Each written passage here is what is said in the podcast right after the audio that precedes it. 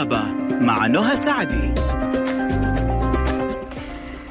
بسم الله الرحمن الرحيم. السلام عليكم ورحمة الله وبركاته. أحلى مستمعين مستمعي ألف ألف أف أم الموجة السعودية. مستمعي برنامج طبابة ألف اللي بيجيكم يوميا من الأحد للخميس بإذن الله آه، من الساعة آه، واحدة للساعة اثنين بعد الظهر معايا أنا نهى سعدي. تواصلكم معنا حيكون على الأرقام التالية صفر واحد اثنين ستة واحد ستة واحد واحد صفر صفر. إذا باتصال إذا برسالة على صفر خمسة وخمسين ستة وستين ثمانية تسعة صفرين واحد. معك آيفون معك آيباد معك أي جهاز نظام iOS. أدخل على متجر أبل أو Apple Store حمل تطبيق ألف ألف FM. معك جهاز نظام أندرويد أدخل على آه، Google Play حمل نفس التطبيق فيسبوك تويتر إنستغرام قناة اليوتيوب كلها على نفس الحساب. ألف ألف FM سناب شات على ألف ألف FM Live. من مستشفى الدكتور سمير عباس دكتور رائع معنا اليوم ضيفنا رائع رائع رائع. يعني أنا زعلانة آه، عليكم إنه ما سمعتوا آه، صراحة اللي ال- الحوار اللي كان تحت ال- ال- الهواء رائع جدا واضح جدا أسلوب جدا جميل. آه، حاب يوضح فكرة. اختار تخصص غريب أنا بالنسبة لي الصراحة وسألته آه، ما ما ما ما قصرت مع نفسي. ليه هذا التخصص التخصص هذا عجيب. آه، حتعرفوا كل حاجة اليوم خلال الحلقة من دكتور آه، تامر دغيدي عضو الأكاديمية الأمريكية للطب التجديدي وعضو الجمعية الدولية لأبحاث الخلايا التجديدية. أخصائي الباثولوجيا الإكلينيكية من مستشفى الدكتور سمير عباس. تبوا مقدمة أحلى من كذا لا يوجد. آه آه كلمة بنسمعها مؤخرا كثير مستحدثة على على مسامعنا ربما هي طبيا كانت موجودة من الزمن الله أعلم ويمكن كان لها كمان مصطلحات آه، أخرى ومتخل يعني مختلفه عفوا عن آه، ال- اللي إحنا فيه الآن إلا إنه كلمة صرنا نسمعها كثير. وصرنا نشوفها في دعاية كمان. كلمة الخلايا الجذعية يا جماعة وكلمة الطب التجديدي آه، كلمات جدا جديدة. لكن أنا إيش أستفيد؟ إني أنا أتعلم عنها وأنا كويسة وأنا بخير نرحب فيك دكتور تامر أول شيء. ربنا يخليكي أنا سعيد بالتواجد مع حضرتك النهارده. بصراحة شخصية منتهى الروعة والجمال. وجاهز حتوقع للاستجابة. الكلام هذا بعد بعد الحلقة. حتوقع بس عشان التوثيق ربنا يخليك. يسعدك يا رب. شكراً. تفضل. الطب التجديدي ده أحد افرع الطب واخدة زخم إعلامي كبير الفترة ال- الحالية بما يعرف بالخلايا الجذعية. عليها أخبار كتيرة على السوشيال ميديا. آه، كتير منها بيكون آه، مش حقيقي واقعيا. آه، جزء منها بيكون حقيقي جزء كبير بيكون مش حقيقي. آه، المصطلح بتاع الطب التجديدي ده بدأ للظهور سنة آه، 2000 آه، لكن هو استخدامات الطب التجديدية موجودة من قبل كده آه، في زراعة الخلايا اللي هي المنتجة لخلايا الدم آه،. لمرضى سرطانات الدم بعد العلاج الكيماوي بس أنا حبيت آه، أوضح إيه مفهوم الطب التجديدي الأول يا ريت علشان. خاطر الناس بعد كده يفهموا يعني إيه تطبيقات الطب التجديدي إيه منها الواقعي وإيه منها واضح إنك الخيال شايف في وهكذا. دكتور اول عندما يتكون الجنين في الأول خلايا الجنين الأولية. بتبتدي تنقسم انقسامات متماثلة مم. عشان زيادة عدد الخلايا الجنين عند مرحلة معينة بيبتدي خلايا الجنين تنقسم انقسامات غير متماثلة يعني انقسامات متماثلة يعني كل خلية بتدي خليتين. شبهها بالظبط. تمام. عشان زيادة عدد الخلايا. في عند مرحلة معينة من الانقسام تبتدي يحدث عشان يبتدي يتكون الأعضاء والأجهزة بتاعة الجسم بيبتدي يحصل انقسام غير متماثل يعني كل خلية تدي خلية شبهها بالظبط وخلية تانية أكبر مم. الخلية دي بتيجي تنقسم علشان تروح تبقى انسج نسيج معين تبقى مم. كبد تبقى قلب تبقى كلى وهكذا مم. الخلية اللي شبه الخلية الأم في الانقسام الغير متماثل بتظل تدور بعد كده في الدورة الدموية علشان عملية الإصلاح مم. في أي وقت يحصل عطب في الأعضاء تبتدي الخلايا اللي هي الأصلية ديت تبتدي تتحول لخلايا هذا العضو عشان تقوم بعملية الإصلاح. خلايا ال- ال- الأولية الخاصة بالأجنة. الخلايا دي بيكون فيها جزء من الحامض النووي اسمه التيلومير الجزء ده هو المسؤول عن قدرة الخلايا دي على الانقسام سبحان الله تمام. كل ما بتنقسم الخلايا وكل ما نتطور في العمر بيبتدي التيلومير ده يقصر. ده معناه لو حبينا نتكلم فيه كلينيكيا إن إحنا كل ما نتقدم في العمر قدرة الخلايا الإصلاحية ديت بتقل وبالتالي من هنا جه المصطلح بتاع الطب التجديدي مم. إن أنا النهارده بحاول لما يحصل تلف في عضو ما أو نسيج ما بحاول إعادة العضو ده أو النسيج ده اللي عمل مرة أخرى عن طريق إصلاحه بالخلايا التجديدية اللي بتدور في الدورة الدموية عشان تقوم بعملية الإصلاح. تمام. فهنا بدأت ال- ال- القصة بتاعت الطب التجديدي. طب إيه اللي بيخلي الخلايا دي وهي بتدور في الدم الإصلاحية إنها تقف في مكان معين وتقوم. بعملية الإصلاح. أما بيحصل أي اجاوب أنا يكون, أيوة. يكون في مشكلة يكون في علة في هذا المكان لازم يكون علة في المكان ده. و... وكل ما تكون العلة حادة. كل ما يفرز بروتينات من الخلايا المتكسرة الله. تجذب الخلايا اللي بتدور في الدورة الدموية للمكان بتاع ال... ال... الإصابة ديت علشان تقوم بعملية الإصلاح المشكلة بتحصل مع تقدم العمر إن التلومير ده بيقصر وبالتالي قدرة الخلايا على التجديد بتقل وفي نفس الوقت بيحصل أمراض مزمنة اللي هي الخلا... تكسير الخلايا في الأعضاء بيكون مش بالدرجة القوية إنها تستدعي الخلايا اللي بتدور في الدورة الدموية. إنها تروح. للعضو وتبتدي عملية الإصلاح. من هنا جه التفكير بتاع الطب التجديدي طب أنا أقدر آخد الخلايا الجذعية ديت. من مصادر أخرى موجودة في نفس الشخص من النخاع آه، من الخلايا الدهنية بمصادر مختلفة لنفس الشخص ذات نفسه طبعا في مصادر أخرى خارجية. بس أغلب ال scientific committees وال وال ال- اللي هو ال ethical committees الأخلاقية بت- بتحبذ استخدام الخلايا الذاتية للشخص ذات نفسه. فجت الفكرة طب ما إحنا ناخد الخلايا الجذعية اللي مش قادره إنها توصل بكميات كبيرة للعضو المصاب. ناخدها من مصادر أخرى من نفس الشخص المصاب وتحقن في هذا العضو المصاب بحيث إن إحنا نزود عدد الخلايا الإصلاحية اللي هتقوم بإعادة هذا العضو مرة أخرى للعمل بطريقة طبيعية. يا سبحان الله طبعا التقنية ديت مش آه، صالحة لكل الأمراض أكيد. يعني وكل درجات الإصابة يعني بتعتمد نجاح التقنية ديت على درجة الإصابة بتاعة ال- العضو ذات نفسه المصاب وعلى عدد الخلايا الجذعية الكافي لإصلاح هذا ال- ال- الضرر الموجود في الخلايا ال- في العضو المصاب أو الخلايا المصابة وكذلك برضو على طول التلومير لكل ما. يكون التلومير أقصر كل ما قدرة الخلايا على الانقسام والإصلاح بتكون آه، أقل. اهتمام الأطباء كل طبيب لما اختار هذا المشوار اختاره عشان يساعد غيره.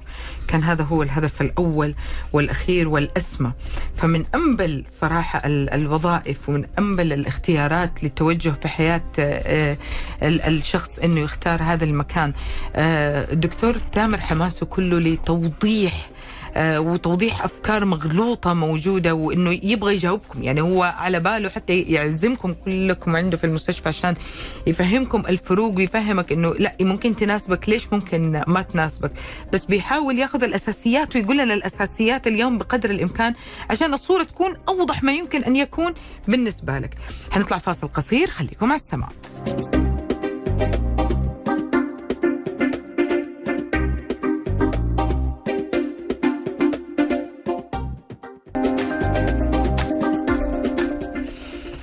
يا أهلا وسهلا مكملين معاكم دكتور تامر دغيري اللي حاب يعرف فين موجود في مستشفى الدكتور سمير عباس. نتكلم اليوم عن العلاج آه، إحنا نقدر نقول عليه العلاج التجديدي صح دكتور؟ صحيح. يعني يعني مو بس الطب التجديدي يعني صحيح. هو لأنه هو آه، دكتور تامر قبل بس أنا عارفة إني حقاطعك في ال في ال في ال في استرسال كلام بس قلت كلمة رائعة كانت تحت الهواء حابه إنه إحنا نأكد عليها. آه إنه العلاج التجديدي أو الطب التجديدي مرحلي. آه بيكون حتى لي وقت معين. ما بيكون مصاحب للعلاج التحفظي وما بيقدر يصاحب العلاج الجراحي. صحيح. آه، ليه ليه مكان معين من اهتمامكم. حتى ال- المسافة أو المساحة اللي كانت بين يأسنا. دي المرحله أساسا نفسيا صحيح. آه، حتى نفسيا ال- ال- الطبيب والمريض بيحبط. صحيح. اللي هو ما نجح فمضطرين للجراحة. حتى. بنقول كلمة بنستخدم مصطلح إنه إحنا مضطرين. فالآن في ضافت كلمة إنه في الفترة هذه صحيح. صحيح. هي هي أهمية الطب التجديدي في إنها إنه جه كأمل يملى الفجوة الموجودة ما بين نهاية ال- العلاج ال- الدوائي وبعد كده الحل الجراحي اللي كان هو الحل ال- الأخير. فأصبح في فجوة الفجوة دي أصبح إنها ممكن تحل بالطب التجديدي. بس اللي أنا عاوز أوضحه إن إن الطب التجديدي ده لازم يكون بيتم تحت إشراف آه، طبيب الاستشاري المتخصص في كل مرض على حدة. لأن في بعض الأمراض ممكن يرى الطبيب ال- الاستشاري إن العلاج الدوائي هو العلاج الكافي. آه، بعض الأمراض ممكن يرى إن العلاج الجراحي هو العلاج الأمثل. في بعض الأمراض الأخرى ممكن يرى الاستشاري إن لأ إن ممكن يستفيد صحيح. من الطب التجديدي. دي حاجة. الحاجة الثانية الطب التجديدي ذات نفسه ما هواش آم، آه، يعني يعني مش مسموح به آه، في كل ال- في يعني في منه في كل الأمراض ما هو مسموح به آه، على من من الجهات الطبية المختصة. وفي في بعض الأمراض الاخرى غير مسموح بها هذه المعلومات بتكون موجودة عند ال- الاستشاري. حلو. لأن كتير جدا من الأخبار على السوشيال ميديا وده اللي حابين نوضحه ده سبب إن إحنا حابين نتكلم عن موضوع الطب التجديدي بتلاقي أخبار آه، براقة اعلاميا وبتجذب ال- آه، القارئ. آه، وتكون معتقده عن إمكانيات معينة طبية هي مش موجودة حقيقيا. آه، زي مثلا آه، اختراع آه، قدرة على تكوين خلايا بنكرياسية في آه، في طبق. في القارئ يقول إن ده معناه إن ممكن حلت مشكلة آه إن كده المشكلة ده غير حقيقي بالمرة. الخبر ده مجرد إن قدروا مخبريا يحولوا خلايا لخلايا بنك بنكرياسية. ده لا يعني تماما إن ممكن إن ده يكون علاج لل- للسكر. آه، وهكذا في في العديد من الأمراض ممكن بيتم قراءة أخبار معينة على السوشيال ميديا إيه، إحنا آه. إحنا نوضحها اليوم آه. وتكون آه. فده اللي أنا حبيت أوضحه استخدامات ال- الطب التجديدي أو الاستخدامات الآمنة للطب التجديدي آه، بتكمن في استخدام ال- التقنية الذاتية الربانية لإعادة تجديد الأنسجة مم. آه، لإعادة تجديد العضو التالف. يعني على سبيل المثال في آه، بعض بعض آه، المشاكل الموجودة في غضاريف ال- المرضى. بيبقى فيه التهاب في الغضاريف أو تآكل في الغضروف أو أو صحيح. هكذا.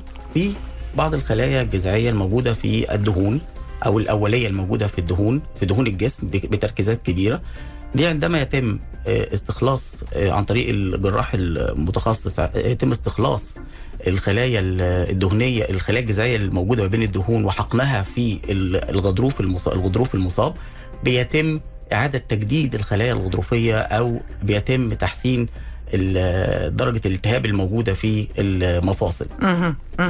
آه، درجة الاستجابة للعلاج بالخلايا التجديدية بتختلف على حسب درجة الإصابة على حسب عدد الخلايا ال- المحقونة وعلى حسب زي ما قلنا قبل كده طول التيلومير أو قدرة ال- الخلايا دي على الانقسام وإعادة تجديد هذا الايه هذا النسيج وبالتالي ده بيدي اختلاف في نتائج ال- ال- اللي خارجة من الطب التجديدي اللي أنا عاوز أقوله إن الطب التجديدي هو أحد أفرع الطب الموجودة.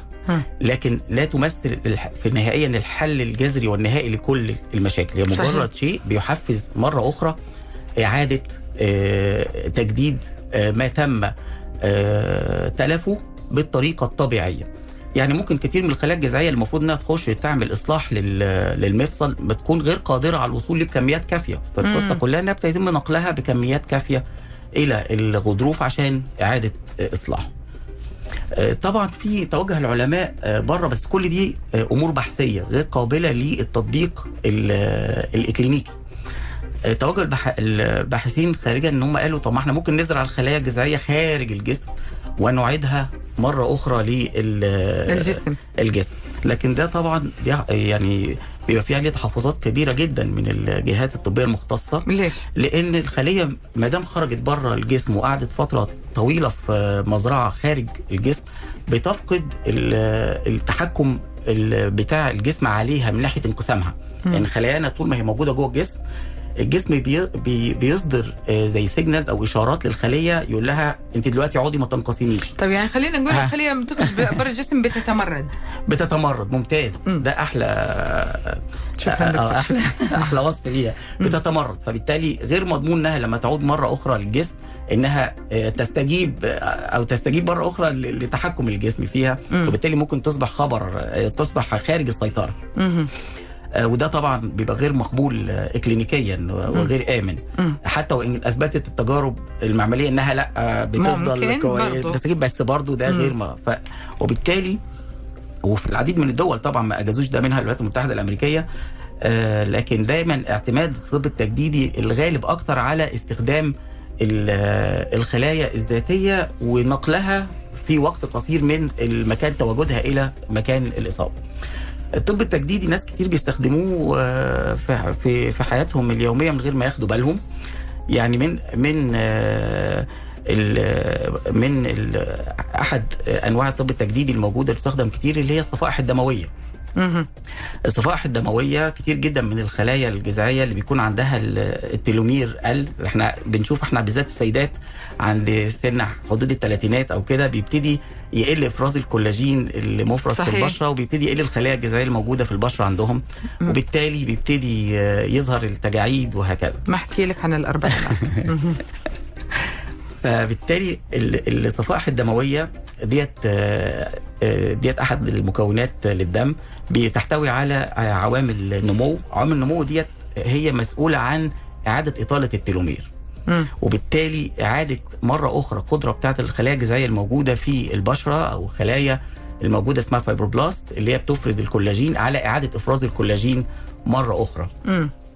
فدي من الاستخدامات الموجودة في الطب التجديدي بيستخدمها الناس آه، عامة آه، وهي معروفة يعني آه، فدلوقتي أصبح قدام العلماء علشان يخل يزودوا فعالية الطب التجديدي.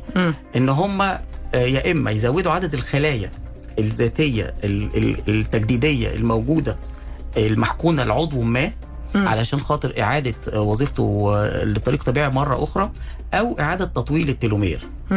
طبعا إحنا اتفقنا إن أي شيء يحصل معمليا غير قابل لحدوثه آه، في الجسم في الجسم. لابد أن يكون الطب التجديدي مع إن هو في فرع من الطب التجديدي بيعتمد على الهندسة الوراثية وتجهيز إلا الأنسجة دي خارجا سبحان الله آه. سبحان الله حقيقي إنه الجسم هو هو الأمر الناهي يعني على هو الأمر. الناهي. هي هي دي العقبة هي دي دائما العقبة اللي بتقف آه، آه، أمام تحويل كل ما هو مخبري إلى ما هو إكلينيكي قبل مم. التطبيق الإكلينيكي. ف... فبدأ في محاولات إن هم يطب إحنا ممكن نطول التيلومير بحيث إن إحنا لو عدد الخلايا الجذعية الموجودة في الدوره الدمويه غير كافي لعملية إصلاح عضو مصاب طب ما إحنا زي ما قلنا نسحب من أماكن أخرى ون... ون... ويتم توجيه الخلايا دي للعضو ده هل هل مكان الطب التجديدي في الترتيب آه إنه يكون بين التحفظي وبين الجراحي. هل هذا السبب لإنه يكون آه يغنينا عن عن الجراحي ولا بيكون تأهيلي للجراحي؟ ممتاز سؤال ممتاز. في بعض عشان كده أنا قلت في كل في كل مرض على حدة ليه آه، خواصه الخاصة. يعني في بعض في بعض ال- الأمراض خلاص الطب التجديدي قادر إن هو يعكس الالتهاب أو يعيد ترميم المفصل. لو خدنا الغضاريف كمثل يعني يعيد مرة أخرى المفصل لل- للعمل. وفي بعض الأمراض لا ما بيقدرش يوصل إن هو بعض الدرجات من الالتهابات. أو تأكل الغضاريف ما يقدرش إن هو يعالجها تماما.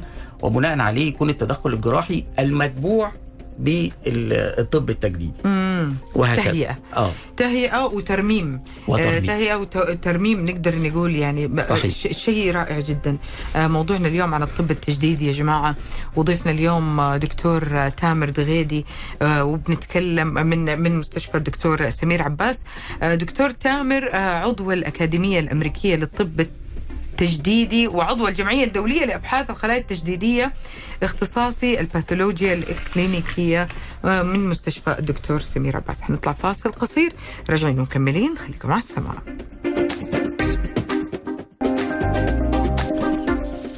مكملين معاكم. واخذنا فكرة جدا جدا جميلة وموضحة وموسعة عن الطب التجديدي. يعني بقدر الإمكان اللي إحنا كمان آه، نقدر نستوعبه آه، لأنه مو اصحاب تخصص. دكتور تامر سؤال يعني قاعد في رأسي من الأول صراحة. آه، كثير يعني في, في كل لحظة بيدخل شخص بيتعب والله يشفي الجميع يا رب. وبيكون عنده آلام معينة وبيكون فعلا في المرحلة اللي هي بين ده العلاج وبين الجراحة. فين يتوجه ويعرف إذا كان يناسبه هذا الشيء أو يناسب حالته؟ يعني تمام. هو ده اللي أنا حابب إن أنا أوضحه جدا فيما يخص الطب التجديدي إن كل مرض له آه، طبيب استشاري متخصص. الطبيب الاستشاري ده بيكون على دراية كاملة بحالة ال- المرض تماما.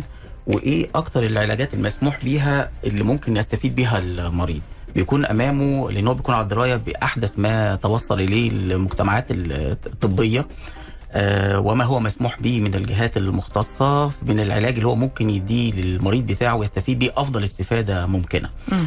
فعشان كده دي النقطة المهمة إن أنا عاوز أنصح أي مريض عنده مرض آه، معين سواء كان شديد أو حتى كان درجة متوسطة إنه الأول لابد من الرجوع إلى الطبيب الاستشاري المختص في هذا المجال واللي بيكون على دراية كاملة بإيه؟ هو امن آه، علاج فعلا. لهذا لهذا الشخص. لأن المشكلة انتشر مؤخرا وهي دي برضو نقطة مهمة جدا عاوزين نوضحها اللي هي السياحة العلاجية في بعض الدول اللي بتبقى قائمة على العلاج بالخلايا ال- الجذعية. وده ساعات كتيرة بيمثل خطورة كبيرة على المرضى اللي اللي بي- بيقعوا فريسة لل للجانب الإعلامي آه، من من الجهات ديت عن مدى فاعلية آه، آه، الخلايا الجذعية ل- لعلاج آه، المرض الخاص بالشخص ده أو وجود أنواع معينة من الخلايا الجذعية من أشخاص آخرين زي لا من حضرتك وضحت. انه حتى لو نفس. المرض. برضه و- وب- وبروتوكول وميكانيزم العلاج حيختلف تماما بالظبط. آه، من شخص للآخر. ده اللي أنا عاوز أقوله. عاوز أقوله إن إلى الآن في كل مرض حتى إلى الآن العديد أو العديد من الأمراض آه، لم يتم التوصل نهائيا إلى كم الخلايا الجذعية الكافي اللي ديت ممكن المفروض إنها تكون بتتحسب. لأن في أنواع مختلفة من الخلايا الجذعية وكل كل مرض له نوع معين من الخلايا الجذعية قادرة على إصلاحه. يعني على سبيل المثال مثلا الدم الخلايا الجذعية القادرة على إصلاحه الخلايا الجذعية المنتجة للدم. الأنسجة في خلايا جذعية منتجة للأنسجة. يعني هناك أنواع مختلفة من الخلايا الجذعية. اللي هيكون على دراية بهذا الموضوع هو الطبيب الاستشاري المختص اللي يقدر إن هو يوجه الطبيب لإيه الأفضل. وزي ما قلت لحضرتك لحد الآن في آه، في العديد من الأمراض لم يتم التوصل نهائيا. إيه هي الجرعة الكافية مم. القادرة على علاج العضو؟ طب هي تدريجية قابلة للزيادة ولا يعني مثلا إيه؟ هي يعني مثلا ال ال في الطب التجديدي؟ تمام. إنه مثلا ال- حضرتك بتقول إنه وصلوا للكم الكافي أو لل تمام مظبوط. يعني بالظبط. هل طب ما كفى ممكن نزيد؟ لا ما هي دي دي دي ديت هو الع- ال- العائق الأساسي اللي بيقف ده سؤال جميل جدا. يعني ده العائق الأساسي اللي بيقف أمام التطبيق الاكلينيكي للطب التجديدي. عدد الخلايا الجذعية الكافية لتصليح آه، هذا العضو ذاتيا. لأن إحنا زي ما قلت لحضرتك آه، بنفس الشخص. لأن زي ما قلت لحضرتك إن هي مشكلة مع الوقت بيبتدي آه، تقل عدد الخلايا الجذعية اللي بتصلح وبيقل قدرتها على الانقسام. ومن هنا بدأ العلماء بس ده أكتر موجود كطب تجريبي لل يعني لأبحاث أكتر منه مم. التطبيق الكلينيكي إن طب ما إحنا ندور على عشان كده لجأوا إن هم يزرعوا الخلايا ديت آه، برا. بره عشان. يزودوا العدد بس طبعا في تحفظ على استخدام هذه هذا النوع من الخلايا المزروعة خارج الجسم منطقي آه، الحاجة التانية بدأوا يفكروا طيب إحنا ناخد من آه، شخص مم. آه، خلايا جذعية. يكون متوافق آه، نسيجيا مع الشخص المنقول إليه الخلايا الجذعية. فبيكون في تحاليل أصلا لتح... لتحقيق لتح- التوافق هذا. أول أو تأكد منه. بالظبط. بس ده بيحصل بقى في حالات حرجة جدا اللي هي اللي بيكون آه، آه، مرتبطة بالمحافظة على الحياة. زي ما بيحصل في زراعة نقل الخلايا الجذعية لل لمرضى سرطانات الدم بعد العلاج الكيماوي. فبيحتاج لو ما لقاش متبرع متوافق معاه بالأنسجة آه، آه، من الأسرة أو آه، من بنك الأنسجة آه، آه، بيضطروا طبعا إن هم ياخدوا آه، ما لقاش ما لقوش من عنده هو خلايا. كافية بيبتدوا ياخدوا من حد يكون متوافق معاه في الأنسجة من بنك الأنسجة ياخدوا منه الخلايا دي للمحافظه على حياته لإعادة إنتاج خلايا الدم مرة أخرى. ف...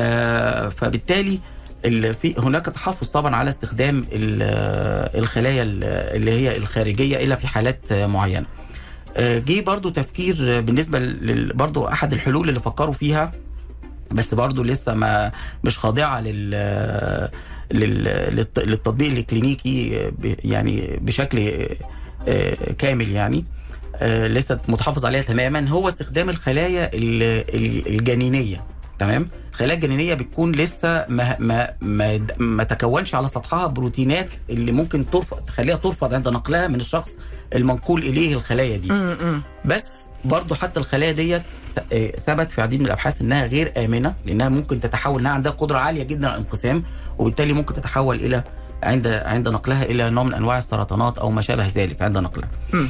فبرضو دي كلها اجتهادات للعلماء لكن ما يصلح منها ده اللي أنا عاوز أوصله من الحلقة ما يصلح منها اكلينيكيا محدود جدا جدا جدا تمام؟ وبيعتمد على آه يعني آه زي ما قلت لحضرتك كده على الخلايا الذاتية للشخص نفسه نفسه. تمام؟ لضمان أمان آه هذه الإيه التقنية وما هو معتمد من الجهات الصحية المختصة.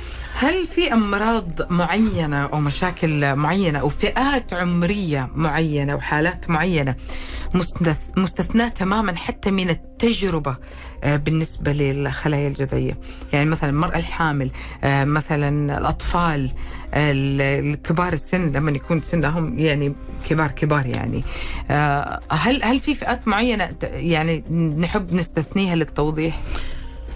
هي عموما زي ما قلت لحضرتك آه، هو هو ما فيش آه، يعني فئات مستثناة آه، من الخلايا من العلاج بالخلايا الجذعية لأن لحد الآن هي زي ما قلت لحضرتك هو الطب التجديدي بيعتمد على تحفيز ال- ال- ال- الإصلاح الذاتي لل- للجسم للأنسجة بتاعته. فبالتالي هو في الآخر هو عملية ذاتية. تصليح ذاتي. يمكن كان في بعض التحفظات على أمراض السرطانات أو كده إن هم ممكن يستفيدوا من الطب التجديدي. علشان خاطر ما يزيدش عندهم القابلية لإعادة تكوين السرطانات.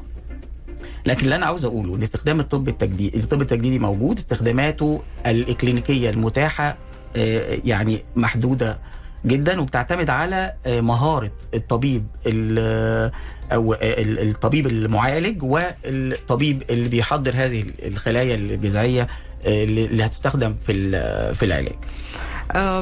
يعني الاختلافات مش بيننا يا جماعة. ما هي ما هي بيننا. يعني هذا ما هو ما هو موضوع مطروح للنقاش في المجالس.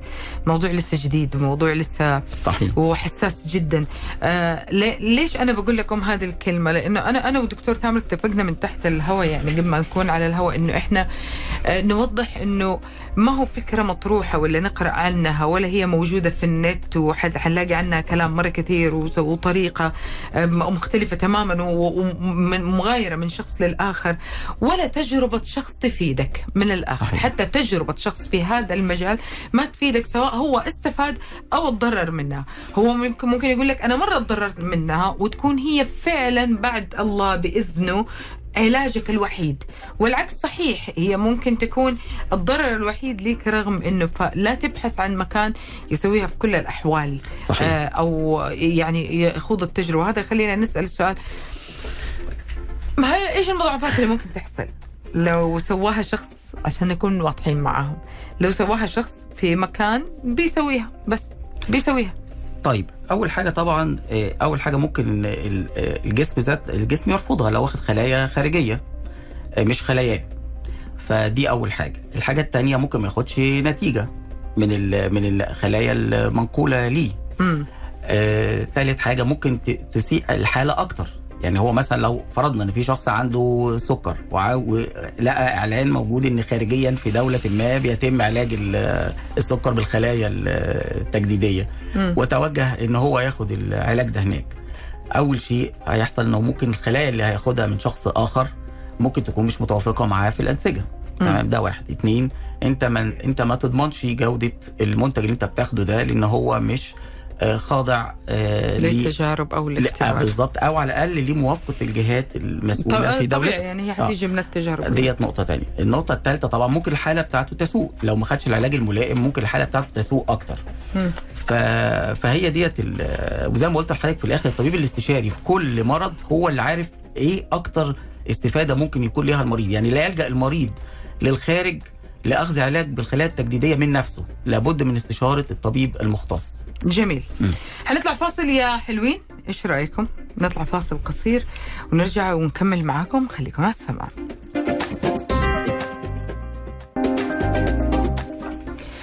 طب إحنا احترنا. طب أنا أسأل عنه. طب أنا أسأل مين؟ أخذتكم الرحلة كاملة واضحة جدا. دكتورنا الرائع دكتور تامر اليوم.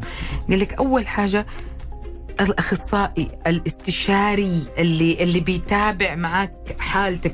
ما بيتابعها لوحده الآن في كل المستشفيات الكبيرة. بيكون في بورد في مجموعة من الأطباء يقولوا بيتأخروا عليك. هم ما بيتأخروا عليك هم بيجتمعوا كل الأطباء اللي موجودين وبياخذوا كمان آراء ثانية وبيعملوا دراسة لحالتك. أنت حاله حالة.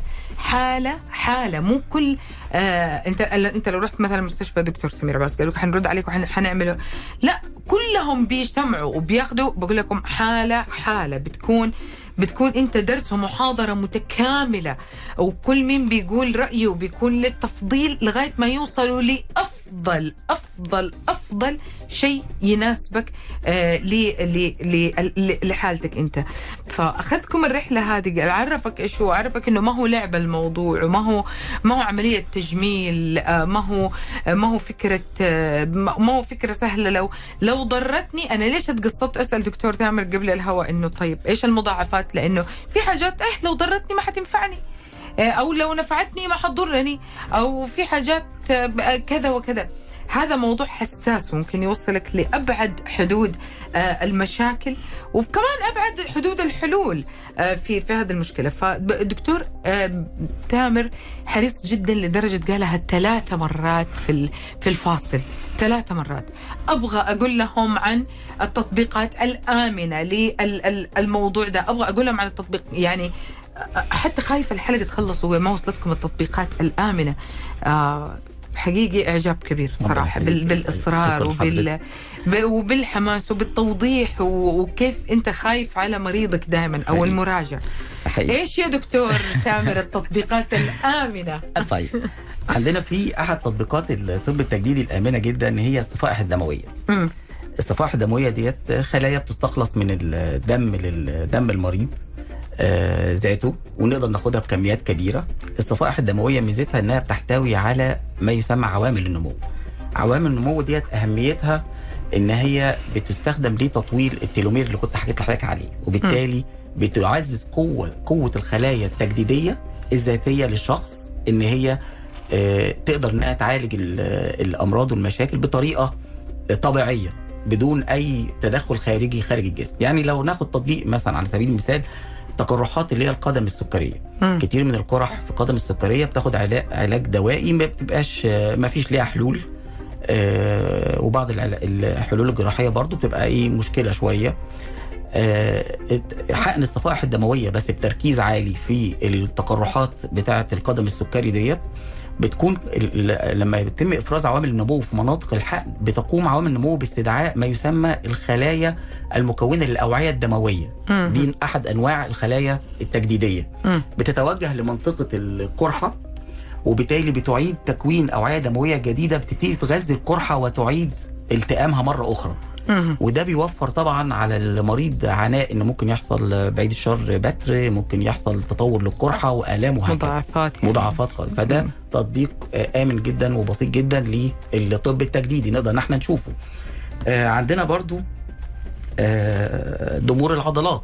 عندنا بعض مشاكل ضمور العضلات بيبقى فيها إن العضلات بيحصل فيها نوع من أنواع الضمور فمجرد انك بتحقن برضو الخلايا الصفائح الدموية في مناطق الإصابة بيبتدي إفراز عوامل نمو وبيبتدي إعادة تكوين أوعية دموية تغذي المنطقة وبالتالي إعادة القوة للعضلات مرة أخرى. عندنا طبعا في مجالات الطب التجميل وال وسقوط الشعر ومشاكل بعض التئام الجروح بعد الجراحات برضو الصفائح الدموية العوامل النموية العوامل النمو المفرزة منها بتساعد على التئام الجروح بطريقة أسرع. قلنا مشاكل العظام والتهابات المفاصل. برضو التئام العظام مع في العمليات الجراحية التئامها مرة أخرى عدد التئامها. ده برضو أحد تطبيقات الطب التجديدي الممكنة بالصفائح الدموية. درجة أعلى شوية من الصفائح الدموية. بيبقى اللي هو الخلايا الجذعية المستخلصة من من النخاع. دي برضو ليها ليها دور في كلمة النخاع تخوفني عموما. ما آه ما عشان كده دايما دايما دي نقطة مهمة جدا. دايما الطب التجديدي يفضل المصدر اللي يكون بعيد عن اللي هي بيسموها ال invasive procedure إن إحنا يعني طول ما في مصدر للخلايا الجذعية سهل الحصول للخلايا الجذعية أو الصفائح الدموية يعني سهل الحصول عليه زي سحبة من الدم أو كده بيكون أفضل للمريض من استخدام مصدر يكون أكثر زي بيقولوا آه يعني انفيزيف طيب دكتور في أبغى في مرحلتين ضروري نوضحهم قبل ما نختم حلقتنا. قديش ياخذ وقت إنه نشوف إذا يتناسب مع هذا المريض أو لا هذا العلاج أو هذا ال- ال- التطبيق؟ وكمان قديش مدته إذا كان كيف بيكون الإجراء عبارة عن يوم واحد عبارة عن آه، أكثر. من مرحلة. لازم لازم لا بيكون بيكون يوم واحد يمكن أقل من كده. يعني بيكون ال- التقنية كلها ممكن ما تاخدش في تطبيقها ساعة ساعتين في في الرينج ده. بيتم سحب ال- الخلايا سواء كان صفائح دموية بيتم سحبها من الدم وتجهيزها آه، طبعا عن طريق آه، أجهزة معتمدة من هيئة الغذاء والدواء. أو آه، برضو اللي هي الصفائح ال- الخلايا الجذعيه المتخلصه من الدهون أو المتخلصه من النخاع برضو بنفس التقنية بتستخدم يعني إذا كان بيتم تجهيزها باستخدام برضو الأجهزة المسموحه من هيئة الغذاء والدواء التقنية بتبقى بسيطة جدا بيكون بيها الجراح المختص الاستشاري المختص وبيتم حقنها في غرفة العمليات خلال آه، ساعة أو من من بداية التجهيز إلى الحقن. ده اللي أنا حبيت أقوله في الاستخدامات الآمنة لل- للطب التجديدي طيب كيف أعرف إذا يناسبني أو لا مثلا الم- المدة والمساحة دي إيش بتحتاج من تحاليل؟ يعني إيش اللي بالضبط بيبين إذا يناسبني أو لا حتى لو كان في تطبيق آمن. آه، هنا ديت نقطة مهمة بالنسبة لاستخدام الخلايا اللي هي الصفائح الدموية طبعا بتحتاج إنك أنت تعملي ممكن آه، تحليل آه، دم يشوف كمية ال- الهيموجلوبين الموجودة لأن مش كل الناس يناسبهم ال- الصفائح ال- الدموية بالنسبة للنخاع ده طبعا بيبقى تبع الطبيب الاستشاري بيشوف إذا كان آه، ال- الحالة ممكن قابلة إن هي منها أو لأ.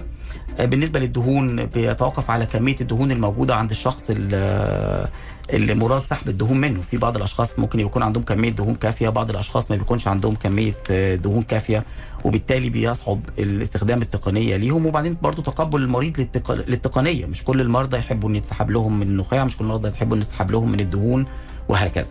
ففي عوامل مت- متعددة يعني أم، حقيقي لو لو في دقيقة يعني تقول كلمة كده حسيت إنه إحنا ما قلناها في في هذا في موضوعنا اليوم. اللي عاوز أقوله لحضرتك آه، يمكن آه، جميل جدا وصفتيه إن إن الطب التجديدي لسه مصطلح جديد بقاله زي ما قلت لحضرتك يمكن 20 سنة آه، لسه كتير من الأمراض ما قدروش زي ما قلت لحضرتك إن هم يوصلوا لل آه، آه، إن هم يوصلوا لعدد الخلايا الكافية مم. إن ما ننجرش ورا ال ال أي أي علاج إلا عن طريق ال- الطبيب الاستشاري المختص لأن هو بيكون على دراية كاملة. بإيه بما هو يفيد ال- المريض أفضل ودايما الرجوع للأشخاص ال- المتخصصين في المجال. سهلة. أبسط دواء. أبسط دواء. أيوه. آه، ممكن يكون ناسب فلان ممكن ما يناسبك نهائيا. صحيح. فهذا موضوع يطبق على كل الأدوية وكل أنواع العلاج. أد- أكثر ال- الأدوية اللي موجودة أمانا. يعني مثلا نوع معين من أنواع المسكنات. تأثيره على شخص طبيعي مختلف تماما عن تأثيره على شخص عنده سيولة في الدم مثلا. لأنه هذا بيزيد سيولة الدم هذا نوع الأدوية آه هذا بيزيدها فما يناسبك أبدا. هذه تطبق تخيلوا حتى على الأعشاب وحتى على الأكل.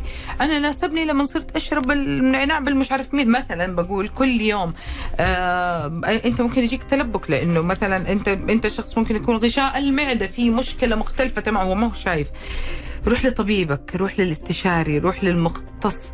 تأكد أنه هذا العلاج يناسبك ولك بإذن واحد أحد واتكل على الله بعدها وخوض هذه المرحلة.